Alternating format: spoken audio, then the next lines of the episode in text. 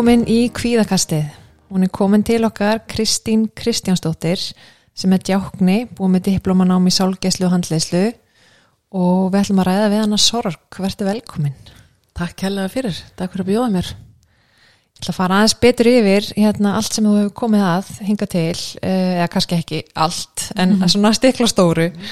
Eh, þú er mikla reynslu í sálgeslu og handleyslu sirkenda og svo hefur leitt stuðningssópa til dæmis fyrir foreldra og ástunni sem hafa mist langveik börn, fólk sem hefur mist á meðgöngu, fyrir aðstandendur sem hafa mist í sjálfsvíi og fyrir ömmur og afa í sorg. Er þetta rétt hjá mér? Já, það er hár rétt.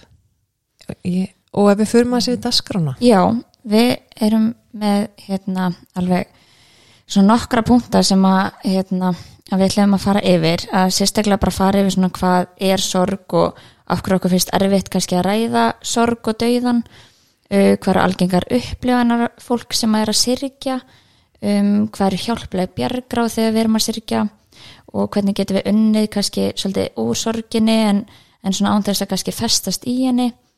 Og líka svona fyrir aðstandandi hvernig er hægt að styðja við einhvern sem er að gangi gegnum sorg hvernig ræðum maður við börn um, um dauðan og, og ræðum við fólk sem er kannski aðfar degja um, og svo í rauninni kannski fyrir við svolítið yfir spurningar sem að hlustendur okkar voru með og hérna hvert fólk getur leita svona þegar það kannski þarf meira aðstof þannig að þetta er alveg margt sem við viljum tala um í dag Uh, en já, hvar finnst þér svona best að byrja? Bara hvað er sorg? Myndir þú segja það? Það er kannski bara best að byrja á því hvað er sorg mm. að því að um, það getur verið svona stundu svolítið flókið að, að tala um hana útskýra hana en sorg er tilfinning við sárum missi og mjög eðlileg og heilbrygt að upplifa sorgina þegar við missum eitthvað það sem okkur þótti mjög kært og eitthvað sem að hérna snert okkur mjög mikið. Og þetta er sérstaklega bara eðlileg viðbrögð og getur tekið á sig margskona myndir. Og sorgin getur byrst bæði við að missa ástfinn hún getur líka byrst ef við missum vinnuna. Ef við missum eitthvað hlutverk sem við hefum haft líka við skilnað vinarslitt ímislegt sem getur kalla fram sorgarviðbröð en sorgin byrtist okkur öllum bara mjög uh, ólíkt. Hún er mjög einstaklífsbundin og um, hann má eiginlega segja að um, sorgin sé bara eins og fingrafærið okkar að því að við erum öll svo ólík við erum öll ólíkan bakgrunn og, og við erum bara með ólíkt tilfinningalíf. Og þannig að má aldrei gleyma því að við sko sorgin byrtist okkur svona á margvíslegan hátt. Og hver og einn hefur sitt göngulag í sorginni. En sorgin getur einkjænsta eh, miklu flæði tilfinninga og hérna og sárum og erfiðum tilfinningum og það er mikill dagamunur á sirkjandum á líðan fólks í sorg. Mér finnst þetta rosalega áhugavert og tala um fingarfarið mm -hmm. þannig að ég og Nína í rauninni getum mist einstakling mm -hmm úr líf okkar og það geti haft bara allt öðruðs áhrif Já, á okkur. Algjörlega. Og það, maður sér þetta ofta eins og bara með fóreldra sem er að börn að um, þau eru búin að missa það sama. Mm -hmm. Uh, þau eru búin að missa jafn mikið en sorgin byrtist á ólíkan hátt. Að því að þau eru ólík fóreldrarnir eru ólík. Og sömur þú veist uh, fara bara í alls konar, hvað við að segja, bara beint að vinna, vilja bara fara strax í ykkur rútínu, leita í öryggið sem að maður hefur þegar maður er uh, í þessari rútínu sinni í vinnunni og öðru slíku meðan hinnaðilinn hefur bara ekki, uh, sko, getur ekki, bara get, getur ekkert gert neitt og líka bara í rúminu og, og er bara algjörlega dofin. Það getur komið strax upp ykkur viss reyði hjá öðrum einstaklingnum meðan hinn er í afneitun þannig að þetta er alls konar og það er öruglega mjög erfitt einhvern veginn að að vera ekki á sama stað í sorginni þú veist ef, ef eitt kemst ekki fram úr rúminu og hinn er bara farin í vinnuna á stað þú veist kannski erfiðleikar með að skilja hvort annað. Já, það, það getur alveg komið upp áreikstra þegar þetta gerist. En, en í flestum tilfellum þá um, tala fólk saman og er bara að vinna sig saman í gegnum þetta sem er náttúrulega það mikilvægast það Einmitt. og er eitthvað er rétt í þessu? Er, er, er þetta bara svolítið þetta fingrafar það, er, það er alveg að breytt að fara beint aftur í rútínuna eins og að draga sér hlið og ég myndi náttúrulega alls ekki mæla með því að fólki fari beint aftur í rútinuna því að það er kannski sko, strak, ekki strax á eftir missi en að því að það er bara mjög flókið. En og fæstir gera það náttúrulega sko, en, en hérna, það er í rauninni ekki neitt eitt rétt. Hvert, hver einn einstaklingur hefur sitt göngulega í þessu og, en það er allt í rauninni sko leifilegt og hver og einn verður bara að finna sér sinn farveg sem hún líður vel með.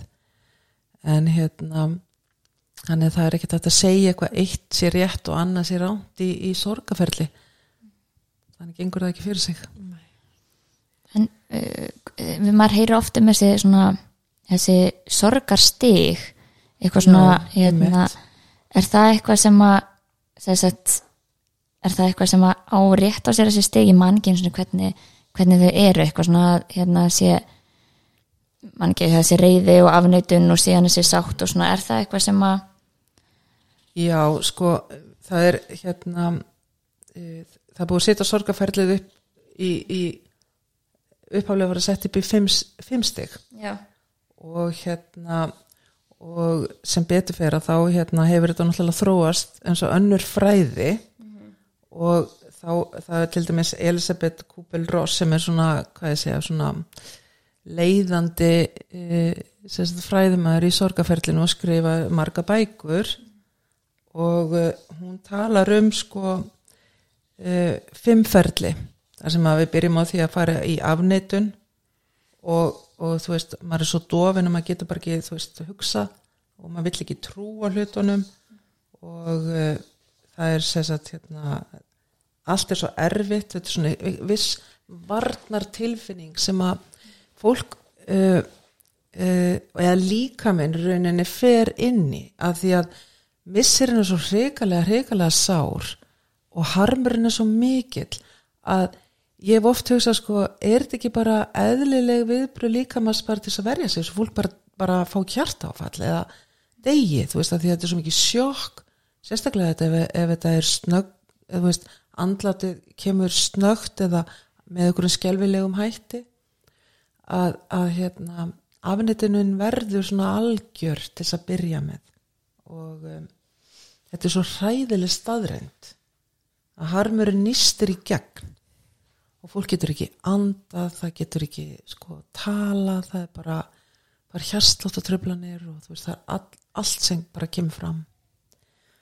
En síðan kemur þessi sterka og erfiða tilfinning sem er reyði sem að er náttúrulega rosalega mikill kraftur í henni. Þannig að auðvitað reyðin ekki óheilbrið, hún er heilbrið og það er eðlilegt að verða reyður og, og hún getur tekið náttúrulega á sig mjög margar myndir. Þú getur orðið mjög reyður við læknirinn þú getur orðið reyður við guð. Þú getur líka orðið jafnvel reyður við ástviðin sem dó. Og þú ert bara reyður út í allt. Þú getur, þú veist, reyðin þarf að beinast að einhverju, lífinu æðri mátti, mætti. Það er bara, þú veist, það er, það er alls konar.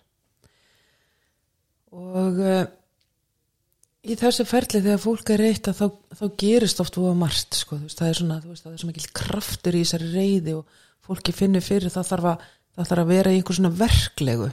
Veist, það fer til dæmis margi fyrir að leita þá svara hjá læknum leita svara hjá einhverjum öðrum þetta, þú veist, vilja fá vilja fá sko svar, af hverju gerðist þetta hver gerði þetta, hver sökina og bara þú veist fólk þarf að fá svör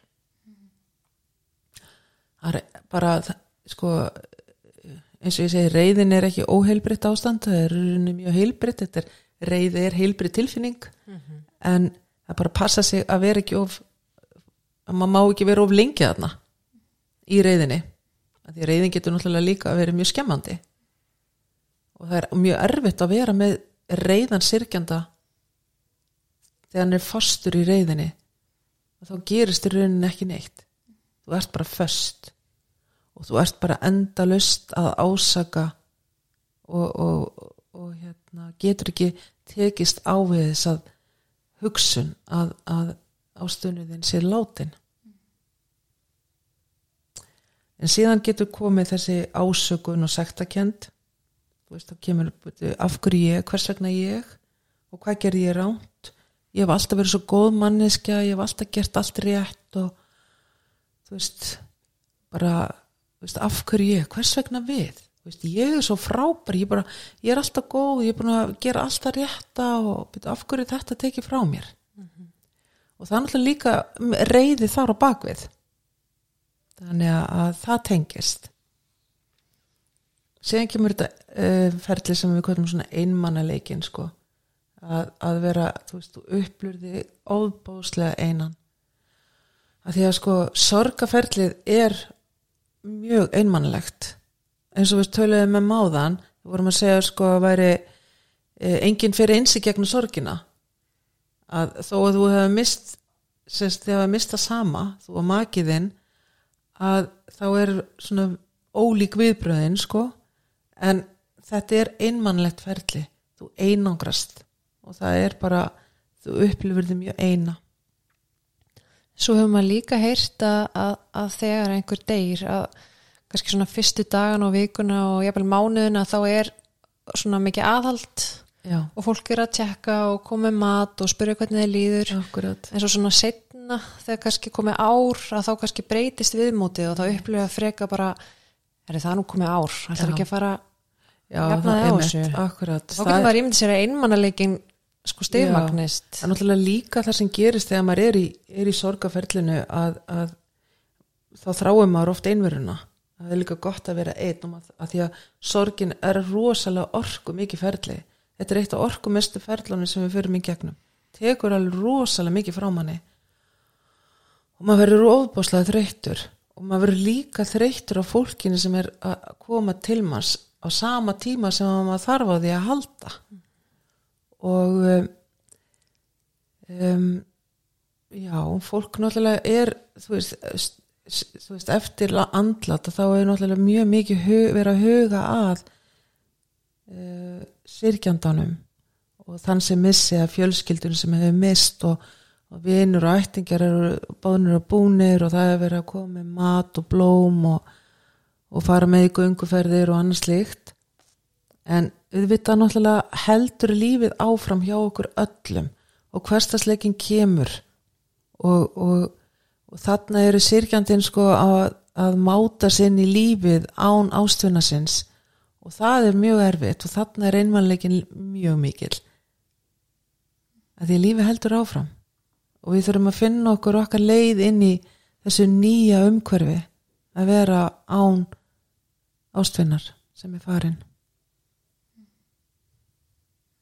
og ég held að það geti einmitt verið erfitt að svona bara bara reysa stór partur af lífinu manns einhvern veginn vantar en samt er fólk að halda fram að mæti vinnu og Já. var kannski skráður í, í nám eða eitthvað og maður þarf að halda fram að sinna því eða ekki. Einhvern veginn, eins og segir, lífið heldur áfram. Lífi heldur áfram og það maður heyrir oft sko maðurinn minn dó, hann lendi í bílslýsi en mokkin kom út daginn eftir hvernig gæti það gerst?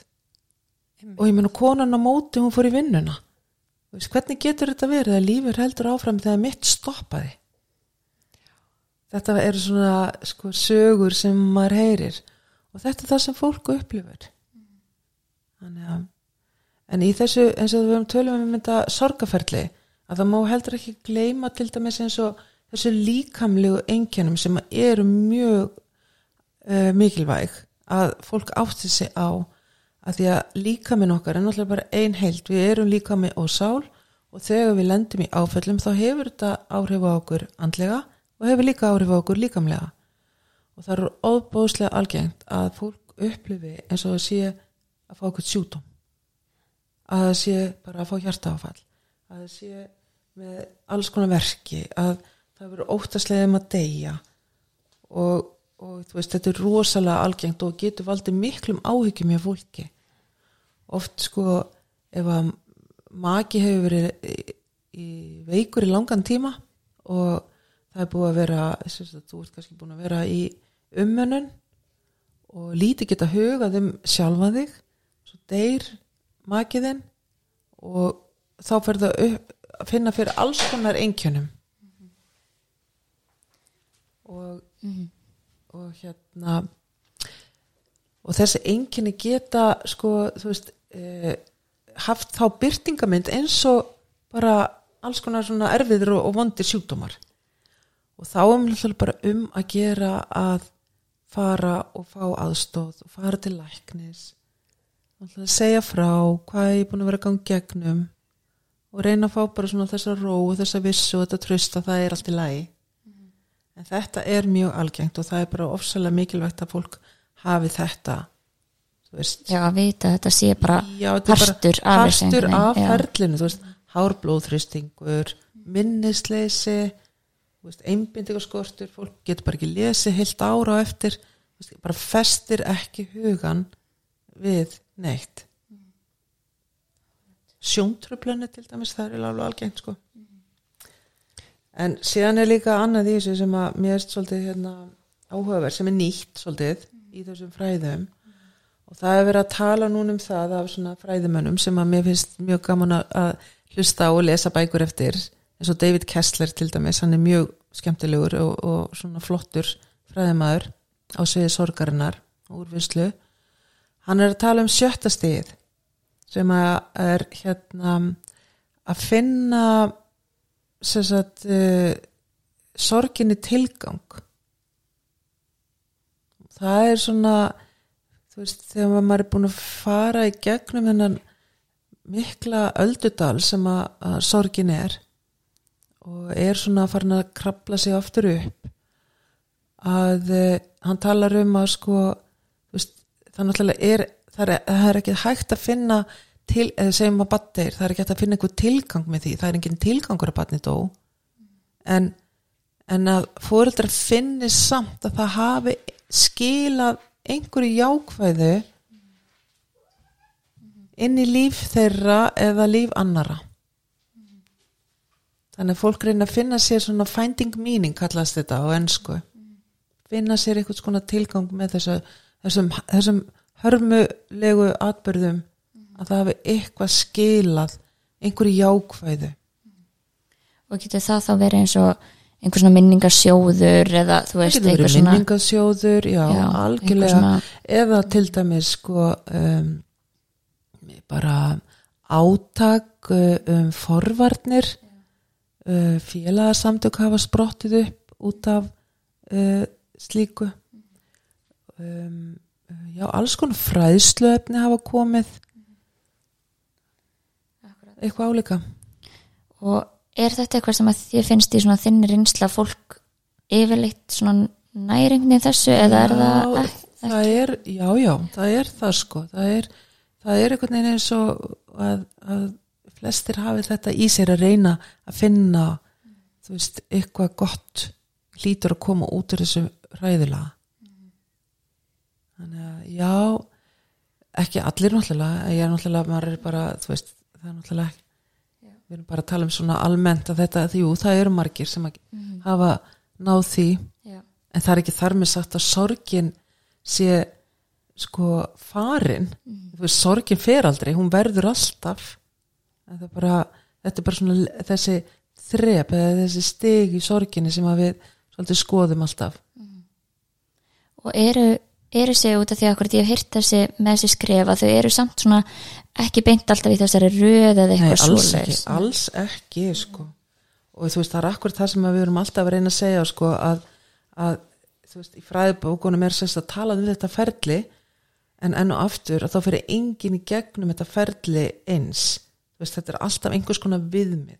Ég meina það er ekki allir sem lendir því að vera mjög reyðir það er ekki allir sem að upplifa einmannleikan þú veist, það er bara þannig að þetta er svona ferli sem að við bara svona vinnum með. Og, og svo veist þetta, þetta er svona afrits kannski það sumir eða þú veist það er tekið sér satt heildar hluti, það er kannski jú, flestir upplifa þetta en það er ekkit algjörlega, er í þessum fræðum. Og kemur kannski svolítið inn á fingrafarið sem hún talar um alveg fyrst að, að það er bara já, það er alls konar sem getur gæst en það Já. er svo einstaklisbundið svo er það svo bara einstaklega spundi en er svona, þetta er samt það sem við fylgjum svolítið eftir og í sorgarhópunum þá förum við svolítið gegnum þetta líka. Við förum í gegnum þessar erfiðu tilfinningar við opnum inn á þessar umræður og jú, flestir hafa kannski einhverja reynslu og geta sagt frá sinni reynslu með það þú veist, að finna fyrir þessum tilfinningum er ég að tala um sko. En svo er aðri sem bara, nei, ég bara kannski á þetta að koma. Og það getur bara meira en vel verið því að þú veist, við veitum aldrei hvar við erum sko, þú veist, þegar einhver deyr hvar ert þú stattur í lífinu? Þú getur sjálfu verið stattur á bara mjög erfiðin stað, kannski ert að takast á við bara mm, segjum bara þetta sé pappiðin segir að deyja. Þú ert að takast á við mjög erfið hjónubarsvandamál í þínu lífi og þú bara getur ekki tekist á við þess að sorga pappiðin segja að fara. Þannig að sko nokkrum árum setna að þá kannski hefur bara þann styrkleika til þess að- að vinna í því þá finnur þau, jú ég þarf svolítið að tala um þetta þegar pappi dó og ég þarf alveg að vinna í því að, að ná ykkur sátt við það þannig að það getur alltaf komið svona uh, lengur setna Og er það þá er það þá út af því að manneskjan hafi ekki farið svolítið akkurat í gegnum sorginu, hún hafi þá bara svolítið svona loka á hana einhverju leiti lokað á hana, já, Já, já. eða sett hann, svolítið sett hann Man- maður upplifið það stundum sko. En síðan er, er sko uh, nú, ég veit að við erum svolítið að fara úr einu í annað en, en, en það er oft sko, þegar þú verður fyrir áfalli þá, kallaru, þá kallast öll gömlu áfallin upp aftur. Þú veist um, bara þú missir um, þú, þú lendir í missi og þú hafðir 35 árum áður mist bann sem hefði kannski fæðist andvana og allt það kemur aftur upp á yfirborðið. Og þú ert að færa í gegnum það og ræða það og hugsa um það og þannig að það flæði kemur tilbaka þó að öll þessu ársíðu liðin og þannig að og jafnvel þó maður telli sig vera búin að vinna rosalega vel í einhverju áfalli sem maður hefur gengið í gegnum það kemur samt alltaf upp þegar maður lendir í öðru áfalli eða nýju áfalli. Er eitthvað að vita af hverju það er af hverju það opnast á eldri áföll? Já, það er góð spurning. Um, Er þetta ekki, ég veit það ekki nei, ég hef enga svona fræðilega bakgrunn til að segja frá því en, eða skilgreina það en kannski bara getur verið að við svona um, förum í við lendum í ykkur nýri reynslu og við förum í ykkur gamla reynslu eða ég veit það ekki, nei, ég þór ekki að segja til um þetta. Jú, mér finnst það akkurat svona meika sens að eh, hérna, að líkamann okkar heilin okkar geymir einhvern veginn svona ákveðna tilfinningar og upplýsingar og, og svona þegar eitthvað sambarlega reynsla kemur upp að, að, svolítið að, að heilin fer bara einhvern veginn að bregðast við eins og hitt sé að gerast líka aftur. Þú veist eins og þetta sé svolítið einhvern veginn söm, sömu svona stöðarnar sem að fara í ganga einhvern Já, það koma, þú veist, hennu ertu að upplifa tilfinningar sem þú hefur upplifað áður. Þú veist, og þá vakna allar allar þessar minningar. Og fólk hefur mér sér að tala um þeim bara ég fann sem í lyktina. Mörgum, mörgum árum sko komið sér lykt sem að var þegar þetta gerðist. Og um, erum er við búin að fara í gegnum svona kannski ef við pælum aðeins í þessum hugsunum sem er kannski fólk er að fá í sorginni þegar byrjar að upplega sorg? Er eitthvað svona algengar svona akkurat þú talar um þú veist þessi, þessi stig er líka einhver svona ákveðnar akkurat þú veist eins og með í reyðinni þú veist að, að reyna að fá svör eða eitthvað svoleiðis eru, finnst þér vera svona ákveð minnstra hugsunum sem að fólk er ofta einhvern veginn að já, festa sig einhvern veginn í eða, eða hvernig, já þetta er kannski svolítið er- breið spurning. þetta er svolítið breið spurning Já. en jú, þú veist það, það veist, fólk leitar svara og það verður að fá svör. Veist, af hverju gerist þetta? Veist, hvað gerist uh, gerði einhver eitthvað ránt eða var það einhver starf veist, einhver veikist og svona bara allt í henni dáin. Veist, það átti ekki að geta gerst. Og við viljum fá svör. Þú veist, uh, þú færð ekki ástæðin tilbaka en þú færð kannski skýring á því hvað, hvað kom fyrir. Uh, þannig að fólk er svona þetta er, þetta er, þetta er svona fróun að fá að vita. Veist, það er svo vond að vera í óvissu En hvað ef eins og það er ekki neinn svör? Já, það kemur náttúrulega oft fyrir. Það er bara það er engin svör. Það, er ekkit, það gerðist ekkit, þetta bara gerðist. Já. og það hefur alveg hérna það hefur alveg, hérna, það gerist stundum. Þetta er ég, ég var á fyrirlestur núna síðustu viku hjá konu sem að, hérna, er alveg heimsfrægur hérna, rítuvendur og rosalega flottur fyrirlestur hjá henni, hún heiti Jacqueline uh, Bass, uh, Bissat held ég hún heiti. Uh, og hún skrifaði bók uh, Love Without Limits og hún misti manni sinn á sólheimajökli. Voru þar bara gungu með ferðafélagi og, og hérna, ferðalagi um Ísland og bara, hann bara hann bara dó. Veist, hann bara fekk henn að skyndi dauða það var ekkert að, hann var að taka myndir og svo bara allt um dóan svona getur bara gerst, maður veit ekki. Vá, það er ótrúlega að hugsa til þess og, og maður getur um eitt hugsa ef það er svona náttúrulegt í sorginni að vilja leita svara og hugurinn fer svolítið svona að reyka og vilja svör mm. svo er engin svör að fá. svör. það getur verið mjög erfitt. Það lítur að vera mjög, mjög erfitt, já. Og talaði hún um eitthvað sem að hjálpa henni með að vita ekki svörin eða... Já, hún fekk náttúrulega svör já, ok, já, já, já á endanum hún fekk svör um það að það var bara þetta, þetta er svona óútskýrður döðdægi sko Já. þannig að þetta gerist bara stund og bara eins og bara það stoppar Já. og það er einhver, einhver læknisfræðileg heiti á því en mm. veist, það er já.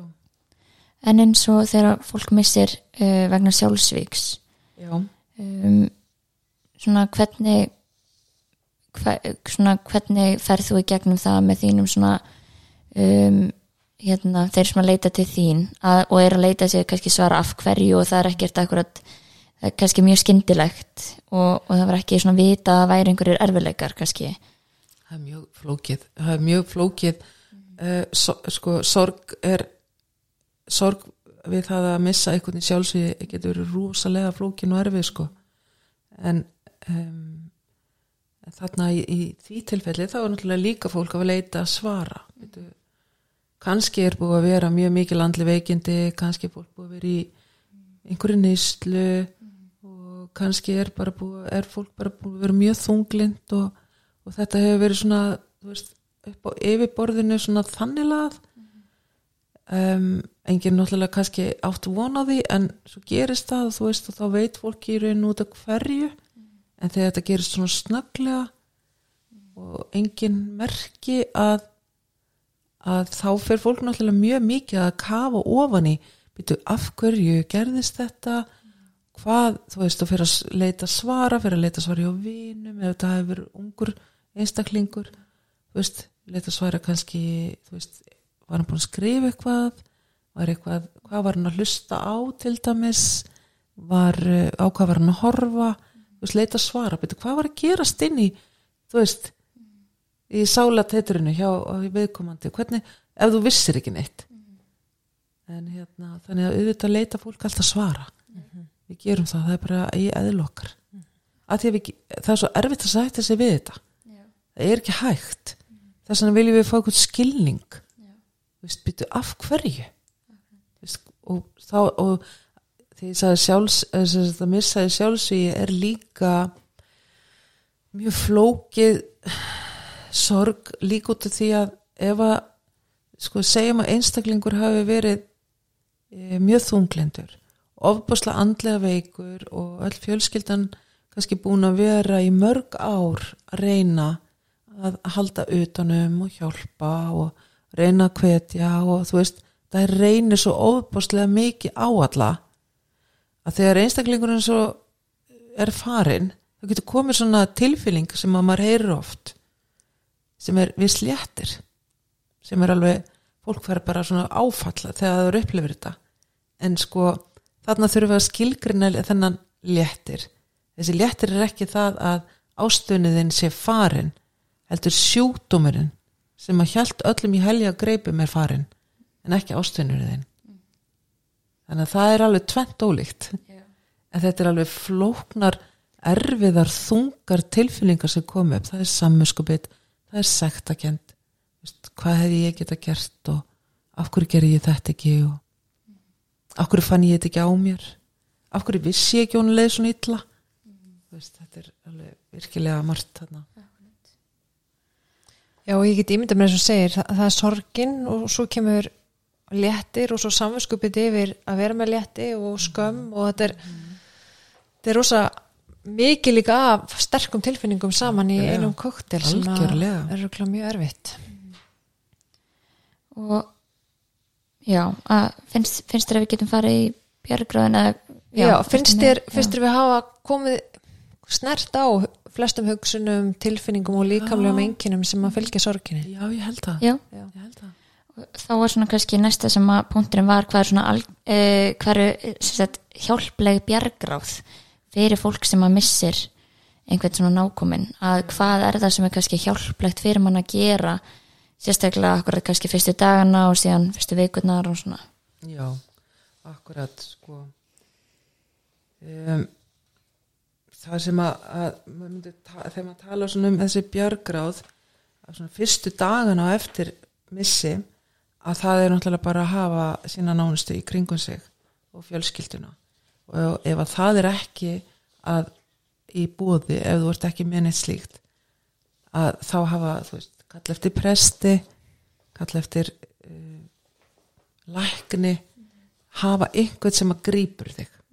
Að því að, að að þú veist að það bara, þú veist, þetta er eitthvað sem að þú þarft að hafa eitthvað hálmstrá eitthvað sem heldur aðeins utanum þig veist, halda þessi þú veist, hafa þessa, samskipti veist við fólkið þitt. Svona innstir ringurinn haldi vel utanum þig. Og það getur örgulega verið erfitt ef að maður hefur, ef maður vill einangra sig og maður hefur kannski ekki fjölskyldu til að stiða vissi Nei. að vera að kalla eftir aðstóðinni til að fá prest eða að fá sálfræðing það, það, er- það náttúrulega alveg ótrúlega það gerist alveg ótrúlega oft þú veist að hvað fólk getur verið mikið eitt og einmanna og hefur kannski bara uh, hefur engan svona nánasta hóp sem að getur komið og, og haldið utanum og þá uh, bara þú veist þá er um að gera að hafa samband við kannski kirkjuna. Þú veist kirkju er, er þína sóknar kirkju og fá prestis að koma eða djákna og, og, og ef að fólk vil það ekki þá hafa samband við kannski geðhjókunarfræðing eða, eða geðlækni eða sálfræðing eða bara eitthvað svona heil, eitthvað fagaðila sem að mun geta komið.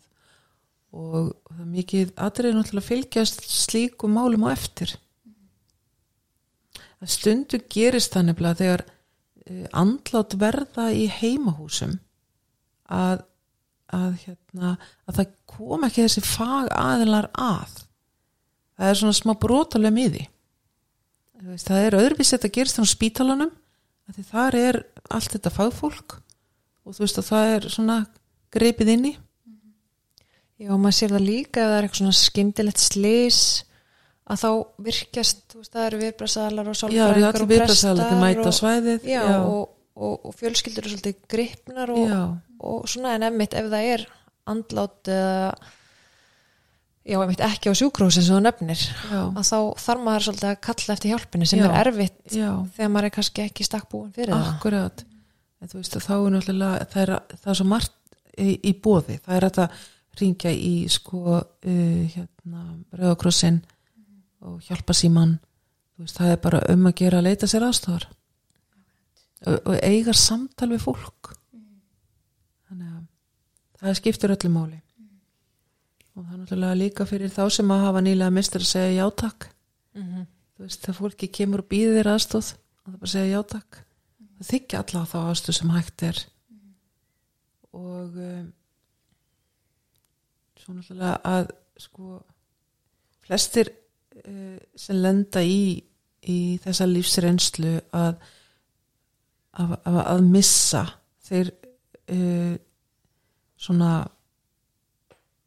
leita eftir uh, svörum eins og tölum um áðan en líka fara að leita eftir svörum í sko alls konar bókum og inn á netinu og veist, eru svona í, í fræðslu veist, hvað byrju og hvað get ég gert og, og hvernig get ég leita mig hjálpar og, og sumir verða bara svona alveg bara sko, já, rosalega duglegir að leita sér allar upplýsinga og lesa hverja fræðibókina fætir annari og, og lesa bækur um, veist, um, þeirra sem hefur sárt að binda veist, sko, sorg og sorgaviðbröð sorgarhjálp þetta, allar þessar bækur sem hafa verið skrifaður um, um sorg og missi. Síðan náttúrulega að finna sér ykkur skonar uh, jafningjasamtal sem er ótrúlega gott. Finna sér einstakling sem að hefur gengið í gegnum það sam og þú ert að ganga gegnum einhver sem þú þekkir bara kannski, þú veist, einhver í, í, í svona fjær umhverfinu eða vinkona, vinkona, vinkona eða eitthvað og þú veist, að eiga samtal við þann sem að veit og skilur hvað þú ert að gangi gegnum er gjössamlega ómetanlegt.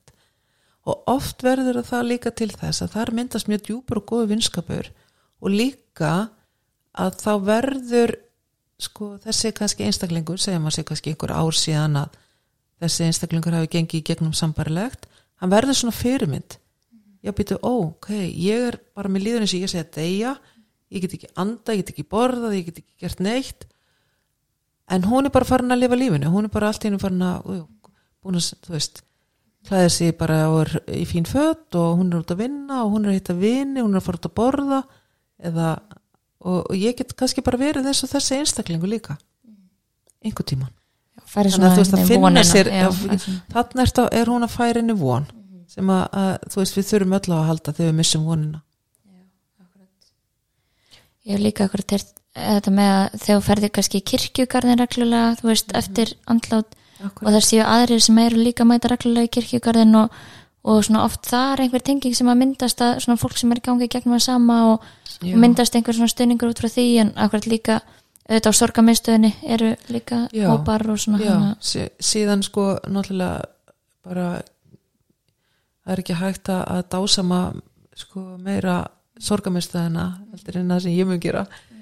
Að því að þú veist það er gjössalega ómetanlegt að fara í góðan uh, svona sagt, uh, hérna sorgarhóp og, og hitta fólk sem að er að, með sömur einslu þú og það er bara, það er bara ótrúlega gott og gefur fólki mikinn kraft og, og, og svona hjálpu að ég að fara inn í þessa úrvinnslu sem er mjög erfið að gera ein.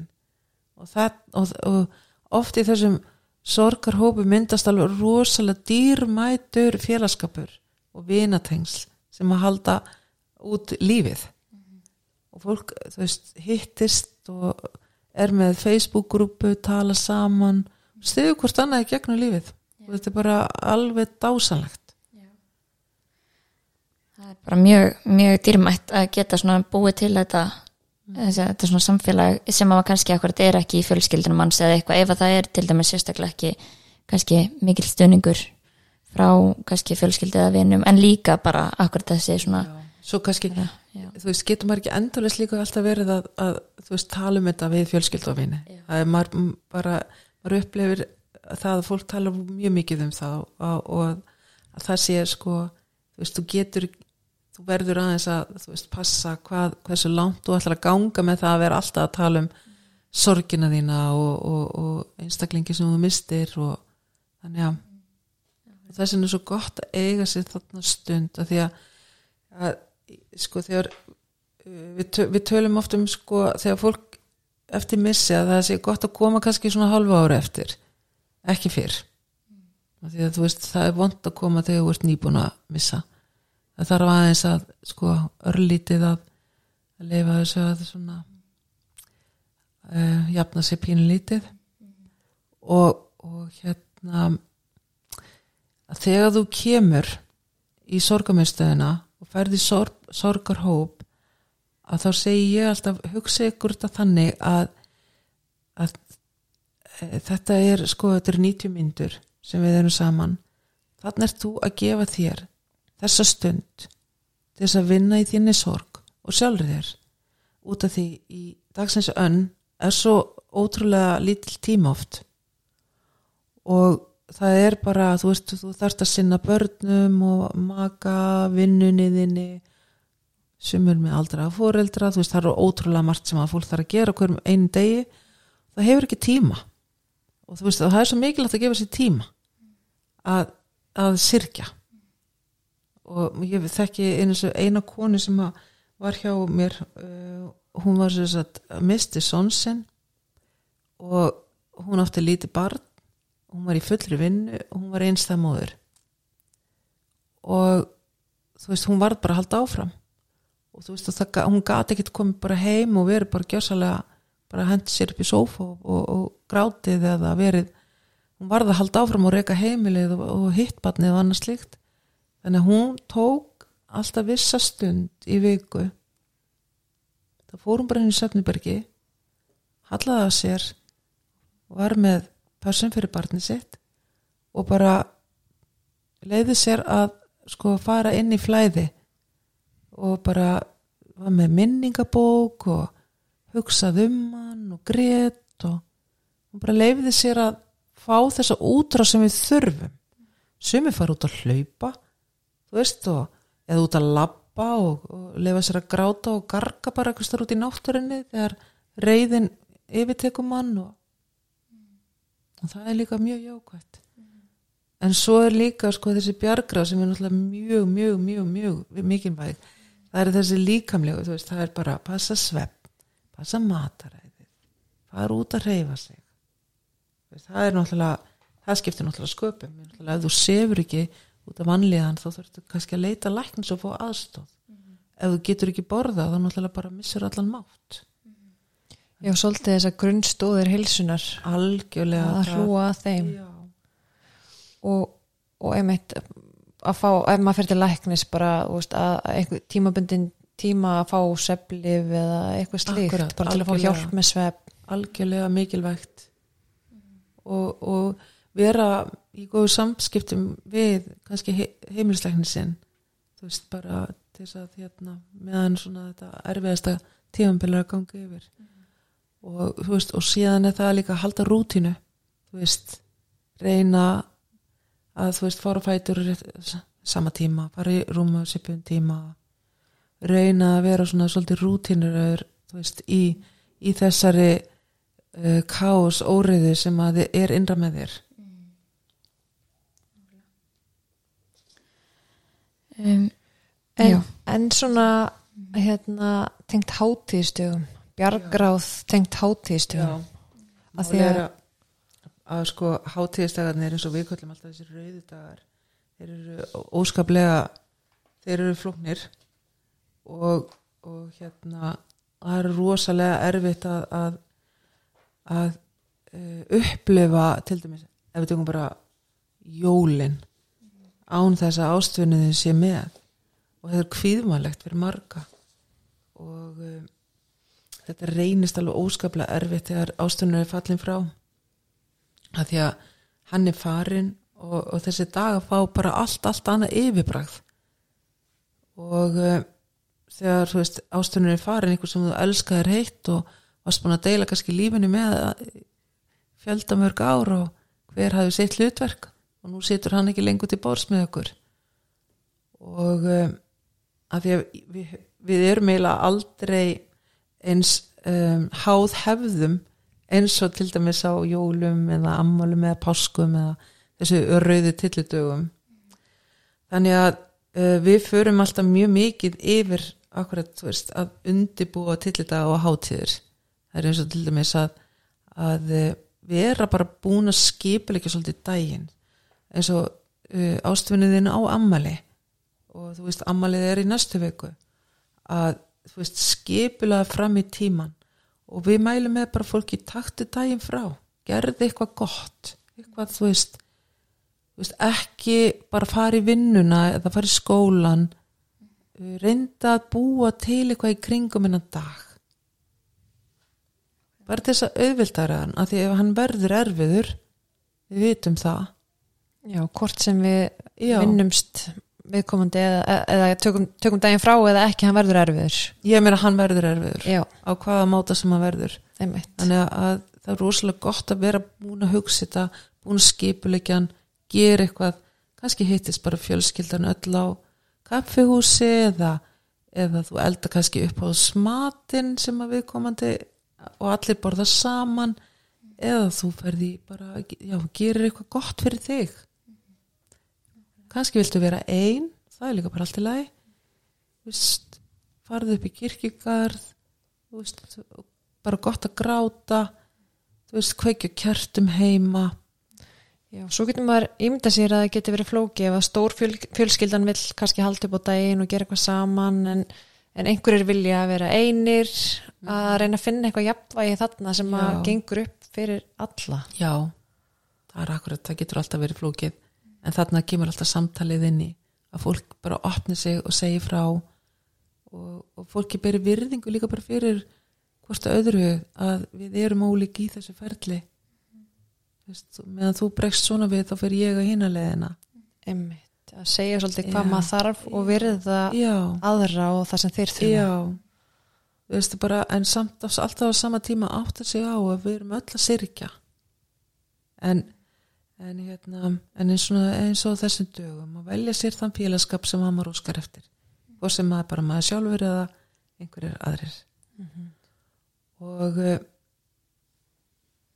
svo líka annað í að sko margir upplega sko að ég, þú veist að því að hann kannski ástfinnurinn á ammali og fólk er svo fljótt að gleyma þú veist, umhverju gleymir og, og margir verða sárir yfir því.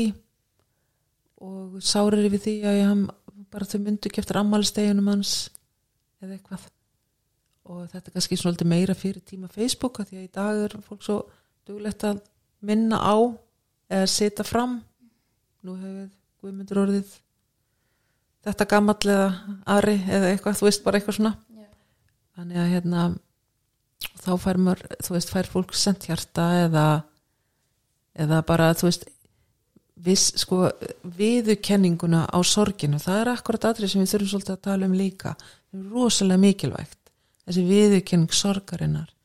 En, en ef við höldum okkur aðeins áfram með þess að tillita um, að hérna sko maður reynir svolítið að hvetja fólk sko að ekki vera ein reyndu, þú veist, ringdu í fólkið þitt myndu það þá bara á. En margir fara í svona vörn og loka á sig og það geta, geta verið svolítið flókið. En hérna síðan náttúrulega margir sem að bara taka sko af skarið og eru bara með svona smá ammælisvislu segjum það. Eins og til dæmis þetta eins og ég sagði að elda góða mat uppálsmatin, bjóða nánustu fjölskyldu sumir hafa tekið upp á því að skrifa nýja minningagrein eða skrifa bref og líka þetta er alveg tímamót líka nú er ég bara að tala um svona eins og ammælistæðana að þú veist, ef það er einhver eftirsjá að, að hérna það getur verið gott að setja það niður á blað eða bara tala við viðkomandi þú veist, eiga bara samræður. Það getur verið hjálpa líka mjög mikið þannig Já, ég get ímyndið mér að fá einhvern veginn svona útrás fyrir því að við vitum bara bara það, einhvern veginn, þetta verður oft svona flæki í hausnum á manni, mm leðum maður fyrir að segja hlutinu upp átt eða skrifa henni á blað þá einhvern veginn fær maður smá svona útrás fyrir hugsunum sínum og maður sér það kannski skýrar. Já, akkurat. Það er akkurat málið, já. Maður sér þetta einhvern veginn öðruvísi og það er líka svo, og, svo skrítið sko þú veist búin að hugsa mikið um eitthvað og mikil eftirsjá í þér eitthvað sem hefur, þú veist, þú sagðir eða gerðir eða bara se, setja þetta í orð og þetta upp átt það er eins og bara losna úr læðingi. Og, og hérna margir sem upplifa það sem mjög gott fyrir þá. Síðan er líka bara þó að sko dagur sér sár og, og það er eftirsjá og það er sorg en það er líka rosa mikilvægt að reyna að fara inn í þetta góðu, allar þessar góðu minningar veist, allar minningarna sem þið áttu allt sem þið gerðu saman þú veist. Þú sért náttúrulega með eftirsjá og þú veist, vonur og væntingar eru farnar. Að reyna samt að hugsa þú veist, já við áttum frábæra ár eða þú veist, þetta var svo gott sumar eða eitthvað svo leiðis að að færa fókusin líka á góðu minningar já. og það er rosalega mjög mikilvægt að reyna að gleðjast þrátt fyrir missirinn reyna að, eða þú veist, eiga gleðilega stund, reyna að hlæja smá. Þó að þetta sé sárt. En síðan eins og með jólin að þú veist að það bara er það í það sama. Að, að þú veist þú sjálf, rauninni getur alveg valið jú, ég ætla bara að fresta jólunum. Þú þarft ekki að halda upp á jólin Ok, þetta er áhugaður punktur. Já, ég meina margir sem að taka það bara okkur. Ég get ekki að halda upp á jólin, ég ætla bara að gera eitthvað allt annað. Já, og ég meina, og hvað, það er bara allt í lægi einmitt. Og þú bara ræður hvað þú gerir og, og hvernig þið líður.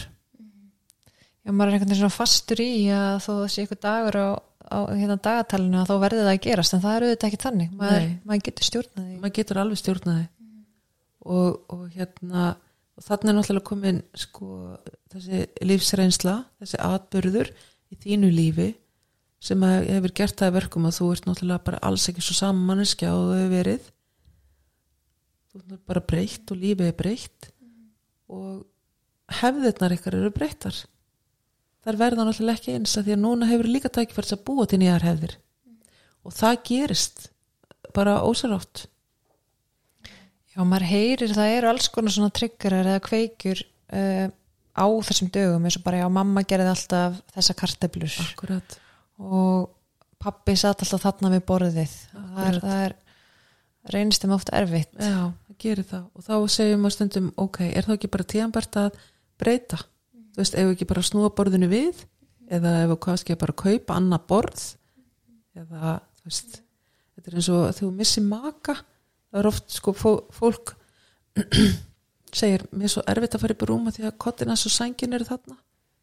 En sen er, er ég bara búin að sofa í stofinni og ég segi bara, já, ok, hvernig væri þá bara við myndum þá bara drífa okkur bara út í búð og við kaupum bara eina stóra sæng. Akkur að vera með tvær sængur þegar þú ert einu rúminu? Og þú getur keft bara, þú veist, eitt langan kotta um, þú veist, það má líka bara hugsa hlutina svolítið öðruvísi. Við þurfum ekki alltaf að hafa þetta niður nelta eins og þetta var. Og þetta auðveldar fólki. Það auðveldar að maður fari rúmið. Þetta er akkurat svona tengis kannski akkurat næsta punkt með svona kannski að festast í hlutunum og Já. svona, úr, úr, svona úrvinnsla já, af því sem gerðist og kannski akkurat þessi skrefi að halda áfram þótt að sorgin sé eins og þú ert búin að minnast á að sorgin er ekki að fara að fara, hún er ekki að fara sorgin verður alltaf þarna en hvernig akkurat svona hvernig fólk svona kemst einhvern veginn að fara að skref áfram veist, og, og hvern, hvenar er kannski fólk ofta að festast, veist, hvað veldur því að fólk festist svolítið í í sorginni? sorginni, Það er er alveg, mjög algengt að fólk festist inn í sorgarferlinu. Uh, sko um, sko hér áður fyrr þá var náttúrulega sko, sorgin alls ekki viðurkjönd og við máttum náttúrulega Íslendingar helst aldrei sína neina sorg. Og uh, hún var mjög falin og við áttum bara að gráta kottan, býta á jakslinn halda áfram. Og kannski var það að lífsbaratan okkar var svo hörð. Urðum bara að gera það. Og okkar svona samfélag hér, okkar menning er ekkert svona opin fyrir tilfinningum opin fyrir veist að fólk sé í sorg og það er að gráta og það er leitt og miður sín og allt það. Ekki eins og til dæmis erlendis það sem að fólk bara, já, katholikar þau bara fara í svört fött og það eru grátkonur og það veist að það er bara sorgin er mjög sko sínileg og ofinber og ég menn þú mæti manneski og hún er með sorg að borða að hún er að syrkja ég oft hugsa, vá hvað þetta er gott þá veistu þú þarf kannski að vera örliti varkárari þú þarf kannski að vera að sína meiri umbrlindi þú þarf að, að, kannski að umvefja fólk betur. Þú veist, þá veistu jú, já. Og hérna eh, en allt hefur sinna kost og galla eins og í lífinu bara. En, en allavega hana já, það er alveg margir sem náttúrulega lendi því. En þá er það alltaf þessi úrvinnsla þetta samtal þú veist, að vinna sig í gegnum og vinna með tilfinningar sínar. Og þú veist átta sér svolítið á já, býtu hvað þú veist, af hverju ertu þarna ennþá eftir eftir kannski 10-20 ári eða jafnvel lengra?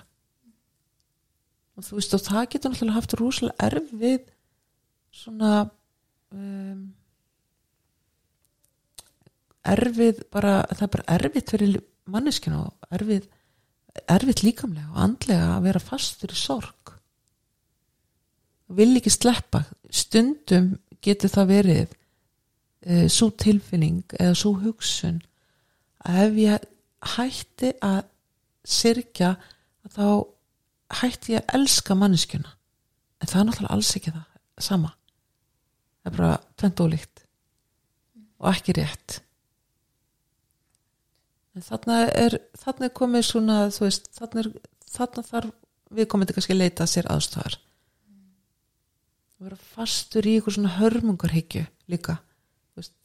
Hrættur maður að komi allt aftur eitthvað fyrir sig. Þú veist, að muni missa hinbötni sín eða missað annan eða þorir ekki að elska lengur þorir ekki að trista lífinu. Og þú veist, þetta er rosalega erfitt og erfitt að lifa svona þarna þarf að leita ástofar það er ekkert gott að, að svona svolítið þessi viðverðunumarki akkurat að vera vakandi fyrir því ef að þetta er eitthvað sem að maður er að upplifa þeir sem er að hlusta að, leita sér aðstofar með þetta og það er hægt að vinna með, með þessar tilfinningar. Já, þú veist að sé já. að hjálpa manni. Já, það er mjög mikilvægt að fólk vita af því.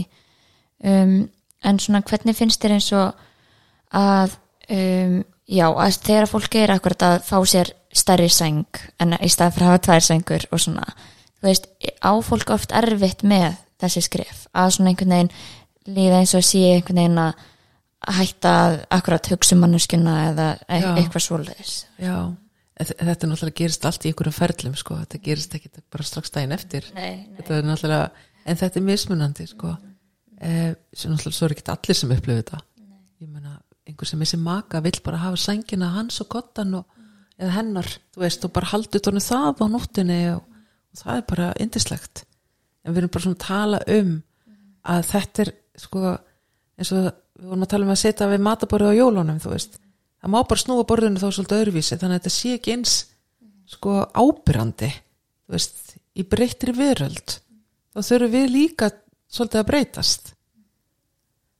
Þannig að Já, og finna kannski bara hvað sem virkar. Kannski virkar bara að leggja á borð fyrir uh, ömmu sem er ekki með okkur lengur. akkurat, að það er líka hluti sem bara er mjög góður Og, já, já, að, að finna svolítið bara, ok, kannski bara finnst mér óbærilegt að hafa sama borð eða Já. kannski finnst mér notalegt að leggja Hafa- bara já, eða nótald að hafa allt þetta gamla bara eins og þetta var Já. og hafa bara leggja borða því að hann er alltaf með okkur ástfinnur okkar, hann er alltaf með okkur í hjarta hann er vegum alltaf svo góða minningar og líka þú veist þegar vor, saman kemur kannski fjölskyldan að bara vera svolítið dugleg bara líka að tala um viðkomandi segja sögur munið hvernig hann gætt látið og la la la la la og allt þetta.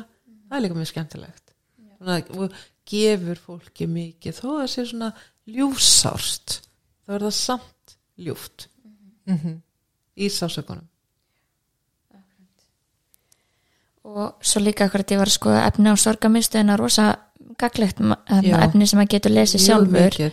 og þá var akkurat svona eitt punktur sem maður tók eftir veist, hafa akkurat mynd kannski af manneskjunni og það sem maður getur svolítið svona séð hana og þú veist við erum akkurat kannski tala við hana eða eitthvað svoleiðis. Þannig að það eru svona margir akkurat mjög svona nýtsamlegi punktar á síðunni sem er alveg ég mæli með að kíkja á. Já, og líka bara þú veist, það er margir sem vilja bara þú veist, hafa mismunandi myndir mis, á mismunandi skeiðum lífsins hér og þar.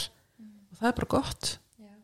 Og, og hérna og einmitt inn á heimasíðu sorgamistörunar eru ofbóðslega mikið af góðu fræðslefni og ég bara mæli með að fólk fari þar inn og finni sér og lesi og leiti.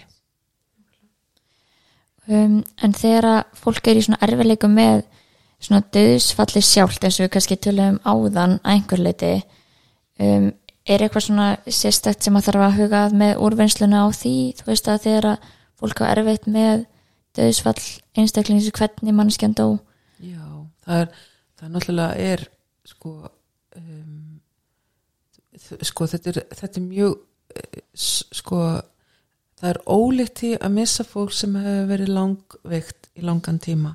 Þú veist, að svona langveikir einstaklingar þú ert kannski með mannesku sem er búin að vera veik í einhver x ár eða x langan tíma og svona alveg vita að þetta mun raunin ekki enda vel. Þó að fólk sko, þú veist, þó að fólk fái alveg svona, já, ok, þetta er bara þú veist, við getum því mér ekkert gert og þá heldur maður alltaf í vonina, þú veist, það geta alltaf gerst kraftaverk.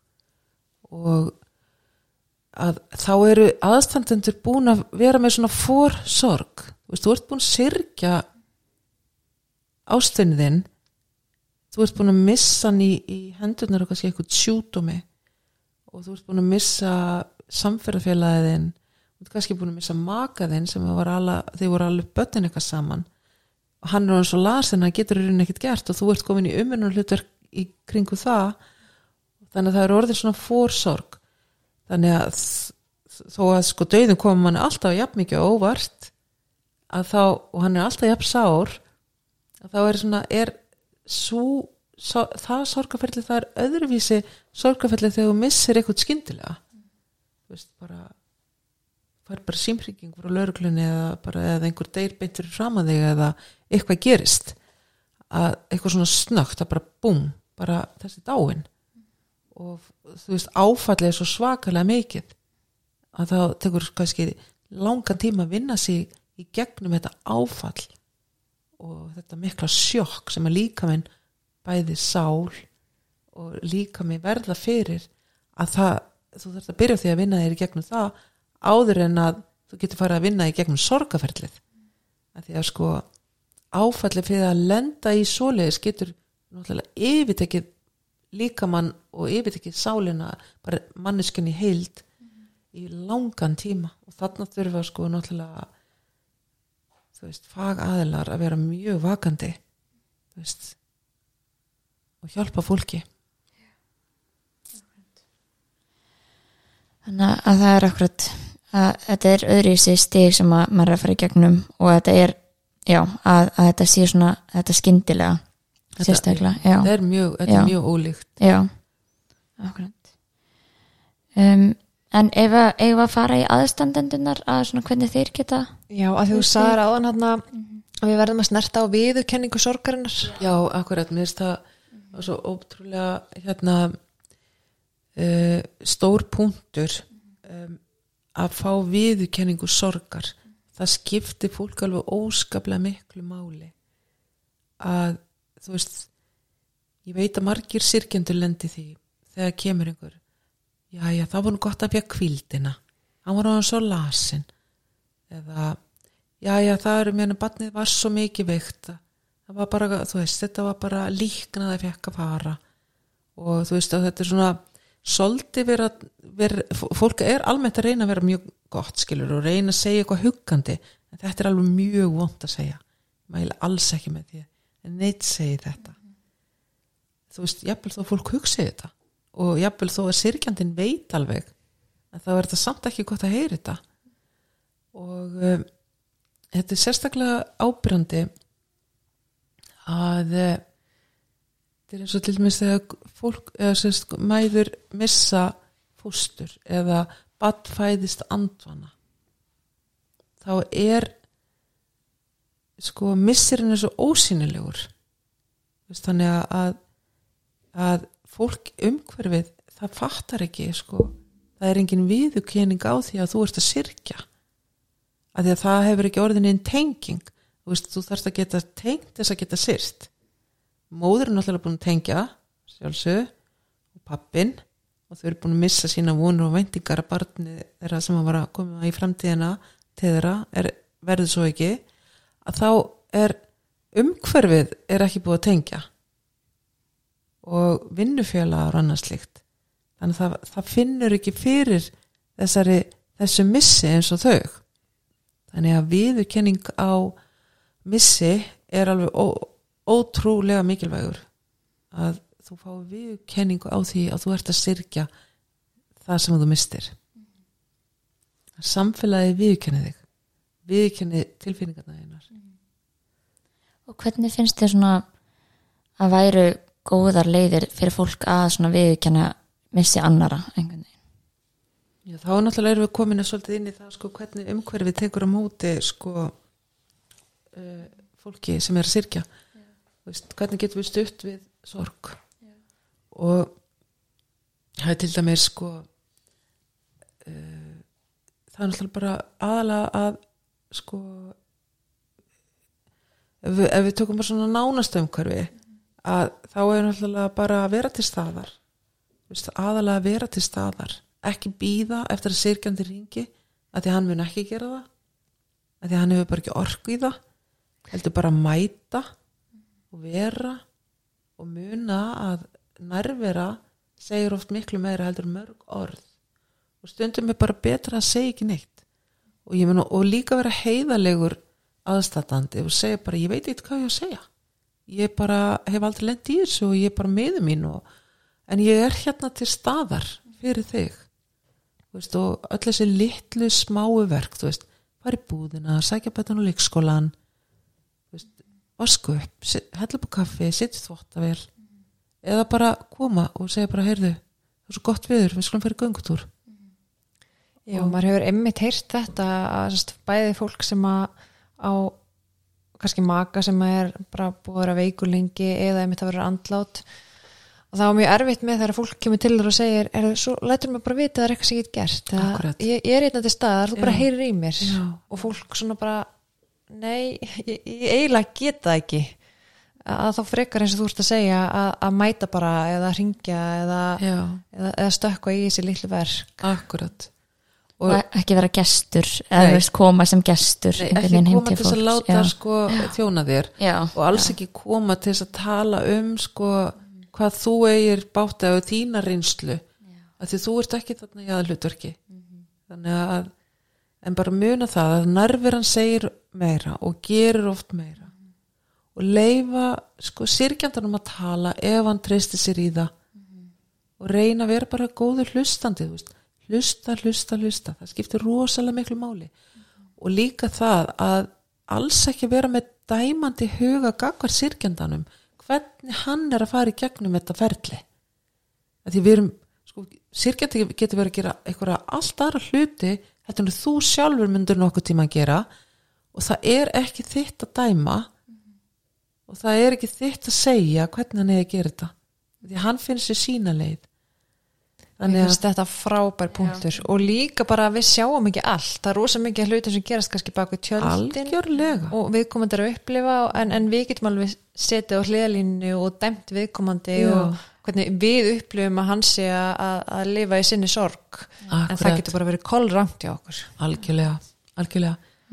Þannig að fólk setur náttúrulega upp grímu og við vitum náttúrulega ekki hvað er á baku grímuna.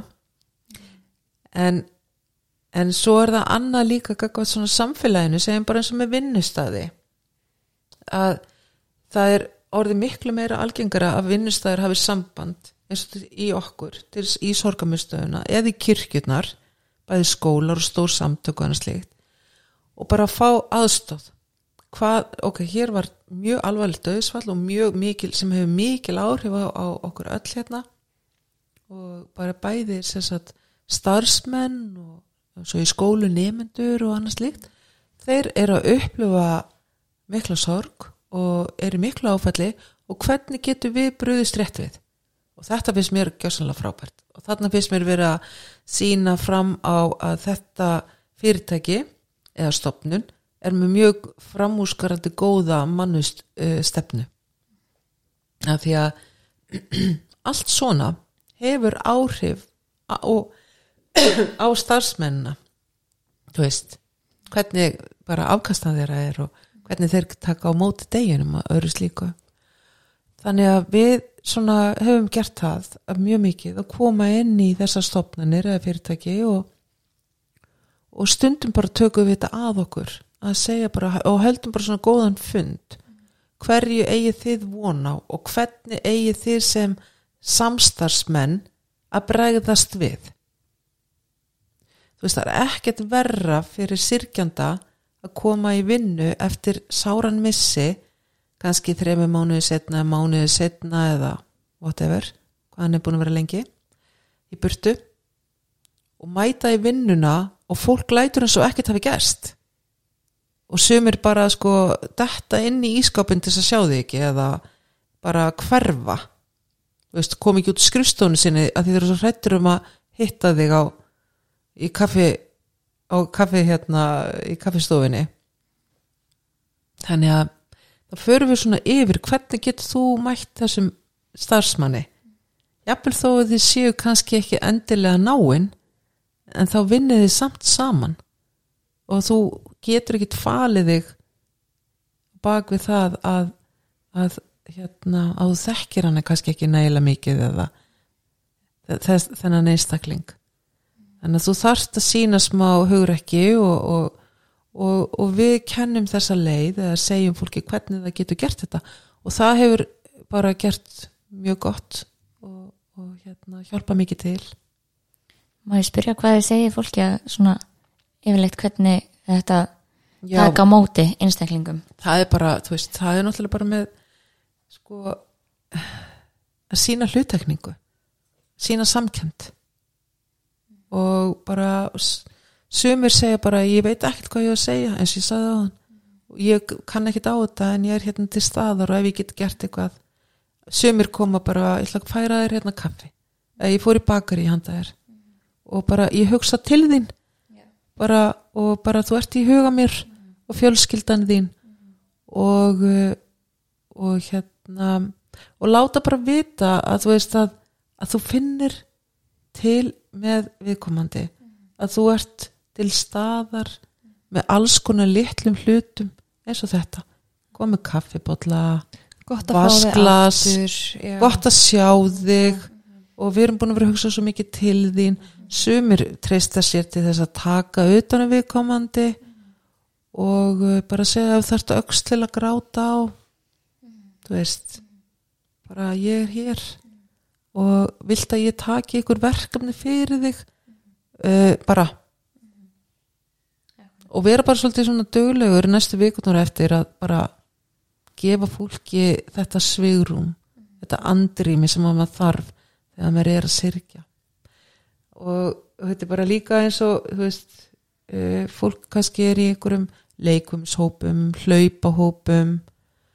Og þú veist að hlaupahóparnir þú veist, ok, þannig er þessi viðkomandi aðili, hann er búin að lendi þessum sára missi, hann er búin að hlaupa með okkur í mörg ár og nú erum við hérna stór hópur og við erum öll mjög ólík við erum ólíka bakgrunn, ólíka reynslu sumar hafa aldrei lendi að missa neitt og veit ekki hvernig það er aðrir hafa mikla reynslu og þannig að við skulum bara sem hópur gera þetta þessari, þessum einstaklingi auðvelt með að koma tilbaka með því að kannski bara öll að saminast um það að umvefja hana þú veist og, og bara það nú viti að því að það er svo vond að hitta fólk sem að peppar allt hann og tala um daginn og veginn og er alveg bara svona í pati og bara veit ekki hvernig það að tala og horfir ekki á þig og bara einhvern veginn Já, og sérstaklega eins og þú ert búin að tala um fólku upplifu einmannleika og fólku upplifu líka einhvern veginn að lífið heldur áfram og Já. þú ert samt búin að verða fyrir sem stóra missi og lífið Akkurat. þitt einhvern veginn verið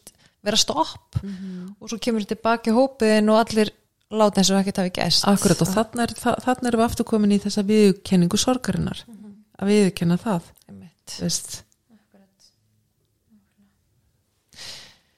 Já, og svo var eitt sem að þú sagðir áðan sem ég er búin að vera að hugsa um hana, með tilkomin tækninar að því að viðurkenning sorgarinnar, nú getur maður sett inn status og kannski minnst viðkomandi nú eru tíu ár síðan að lesta eða nú hefur nátt ammæli en, en hefur eitthvað orðið var við það að, að, að tilkoma hérna, netsins hafi einhvern veginn flækt hlutina? Eins og bara þetta er ekki kannski bara nákvæmt dæmi að einhver deyr og hann með kannski með Facebook síðan að opna þessast áfram og svo er Já. fólk bara óska viðkomandi til hamingjum ammalið en hann er látin já, emmitt þannig að það er svona öðruvísi kannski triggerar eða kveikjur sem að verða Já. uh, með tilkomu netsins. Já, það er alveg margir, margar Facebook sem eru opnar eftir að sko, við kom til farin og það er með það, það kom upp sko, svo pappi minn. Við getum ekki loka síðan hans, hann dó fyrir mörgum, mörgum árum síðan. Og það kemur upp á ammælistæðan hans, papp og ammæl í dag þú veist. Og, og hérna, og það eru margir með þetta. Og sumum þykir þetta bara mjög jákvætt mjög gott, gamli vini skrifaðinn uh, einhver góða kveðjur. Fjölskyldan sér þetta og henni vinir sjá þetta og allir minnast og ég meina það er bara ég hef ekki heyrt að neinni flækju með svona. Já, og kannski þarna líka fingrafarið. Einhverjum finnst þetta notalegt og öðrum finnst þetta óþægilegt. já, veist, þetta er náttúrulega bara eins og við erum öll bara ólík Já, og nákvæmlega. ég upplifði hlutin ólíkt Einmitt.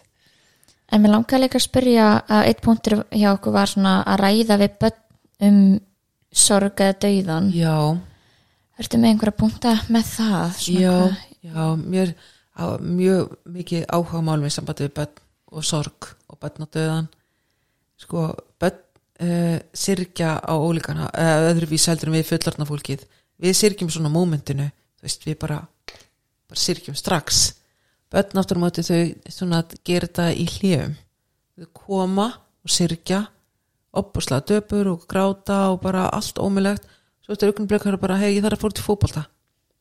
Það er svo þau takk sér pásu og, og sem er svo frábært sem er bara æðislegt hjá þeim að gera.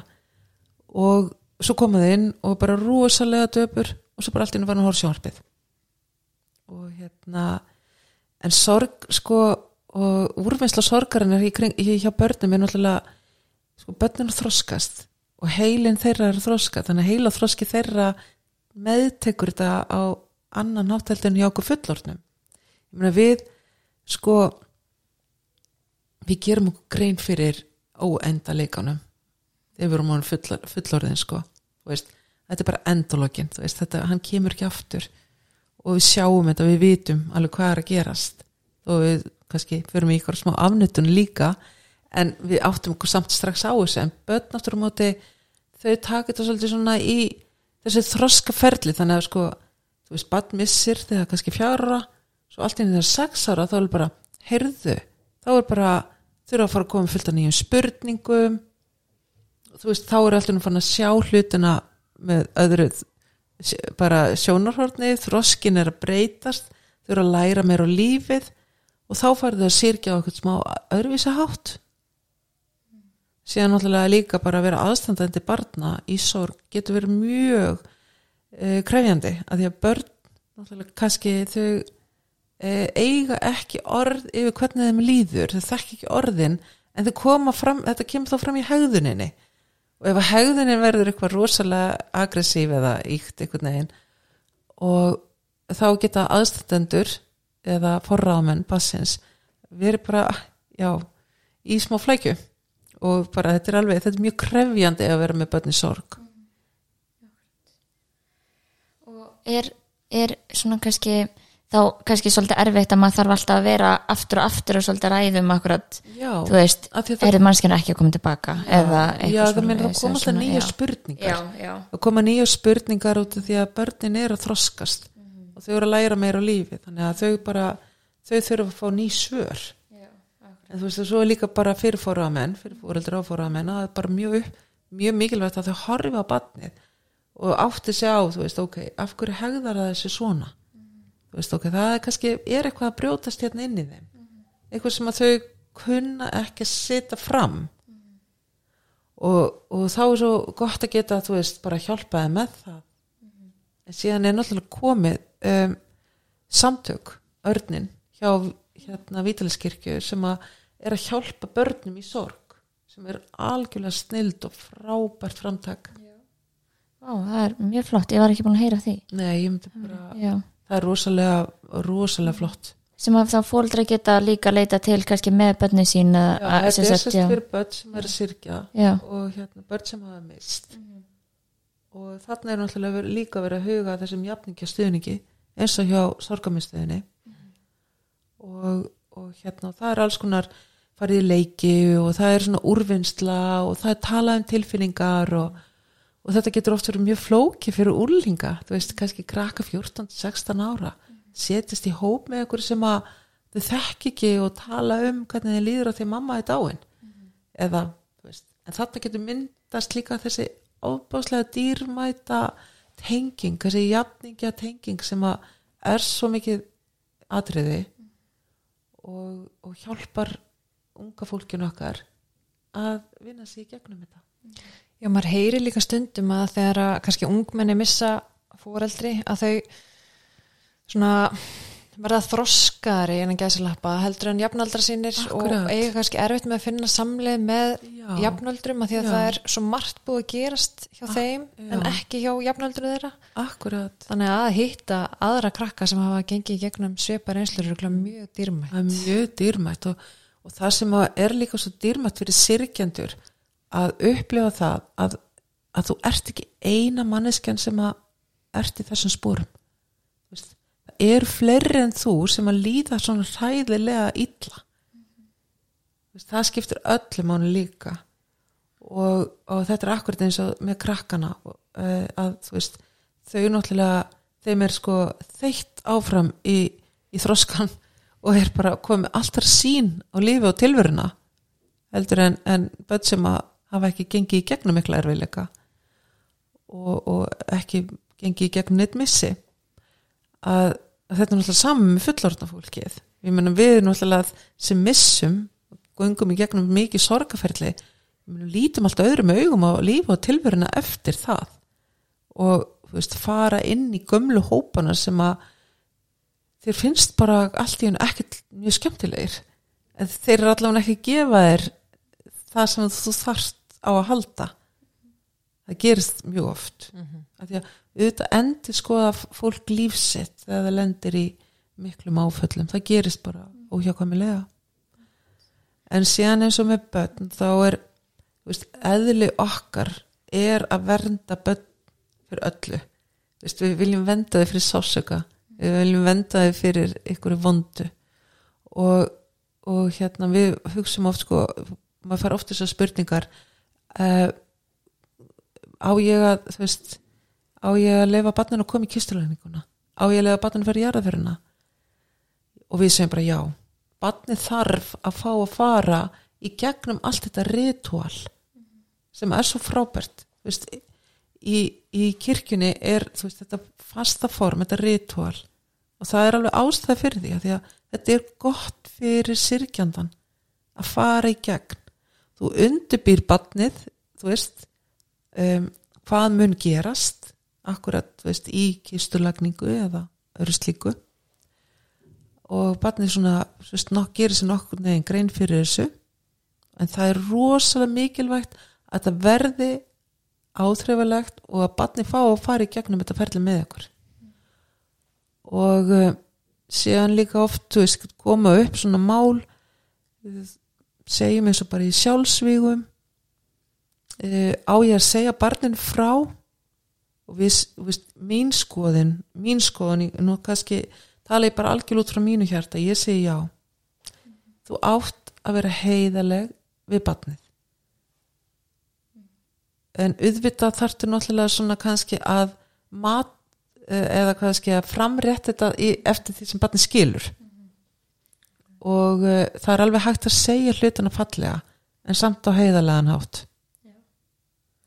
Að því að börn er svo fljóta átt sig á að þú ert ekki að segja satt. Og það er bara þá ertu bara komin í vond mál og flækir þetta bara virkilega. Þannig að heiðarleiki og lefa barninu að fara í gegnum þetta skiptir rosalega miklu máli og líka einhvern veginn kannski svona barnshugurinn e- ef við spáum í, í kistu og kistulagningu þú talar um að leifa börnunum að vera með veist, að, að kannski er bara hjálplegt fyrir barnið að, að sjá ekki bara kistu heldur lokaði kistu þar að segja að, að hjálpa viðkomandi þess að hjálpa börnunum að sjá uh, að viðkomandi er í kistunni og Já. kistan fara svo ofan, ofan í jörðina að það sé Já. þetta ferli já, akkurat og, og í, í flestum tilfellum að sko að þá um, setna mér á æfinni þá er börn mjög þakklátt fyrir þetta. Þegar þau eru orðið ungt fólk og fullori fólk. Að þakka fyrir það að fengi að taka þátt. Að því að fólk, eh, maður heyri það mjög oft. Þú veist, ég fekk ekki að þú veist, ennþá koma til manns fólk sem segir já pappi dó og ég fekk ekki að fara í jarðaförina það var bara ekki leift á þessum árum. En hann var kannski 14 ára þú veist. Þannig að hérna þannig að þetta er svona og síðan er sko þú veist við undurbúum börnin mjög vel. Setjast niður ræðum við þau segjum þeim. Leiðum að koma við kistu. Þú veist það er alveg bara Já, þannig að hefur líka, eiga ekkert að koma mikið á óvart nei, og maður hefur líka heyrt að sögum bönn finnst gott ef það er svona sérstök stund með prestinum eða það sem að bönnin fóðu alltaf að koma og Já, spyrja spurninga akkurat, og tala já, um. og spurja og spurja. Og við reynum að svara eins heiðalega við getum. Já.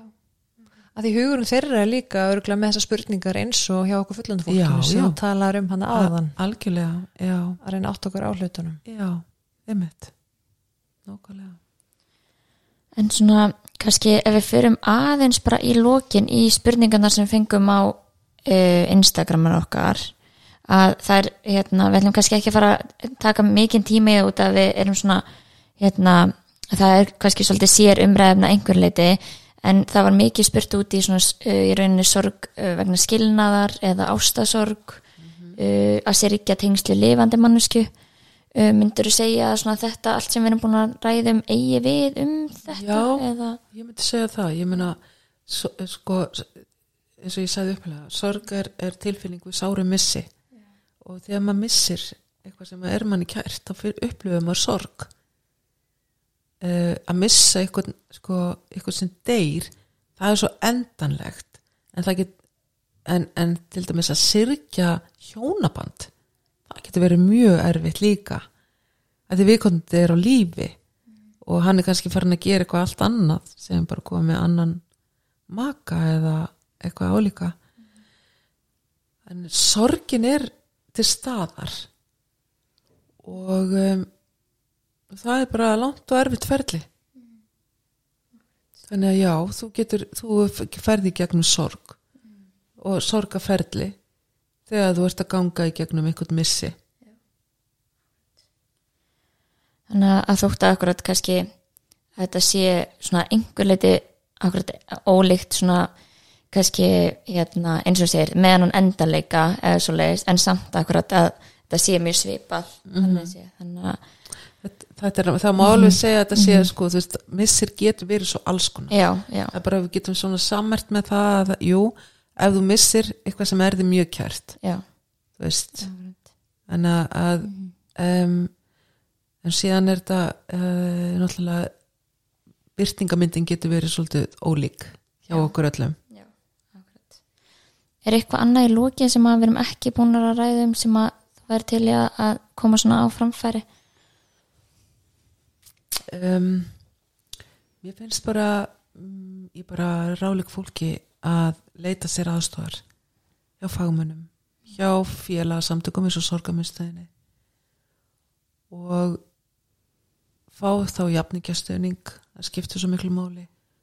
Reyna að fá svona sinn kjarna einsta ring til þess að halda vel utanum og eiga samtalið uh, leita sér upplýsinga í, í bókum fræðibókum inn á netinu og um, og reyna bara þú veist já og mér, það er svo mikið uppáhalds orð hjá mér í augnublikinu er sjálfsmildi að sína sjálfu sér mildi ekki vera ekki eh, krefjast og mikils af þér. Að því að þetta tekur tíma og þetta er erfitt ferli og sorgin mun aldrei fara hún mun alltaf vera en hún mun breytast. Og uh, og það er ljós við enda göngsins. Og hérna og reyna bara þú veist að, að fá hjálp og, og leita sér aðstofar í öllu því sem að þessum heimi sem við búum í dag öllu þessi podcast um, bæði á íslensku og ensku og öðrum tungumálum náttúrulega. Allar þessar bækur sem er hægt að fá bókasafni líka hjá sorgaminstöðinni líka í kirkjónum fara í þína sóknarkirkju fá viðtal tala við prest, tala við djákna fá aðstóð, bara leita sér aðstóðar Ég held að þetta sé frábær lókur Takk kjærlega fyrir að koma til okkar. Já, takk fyrir. Þess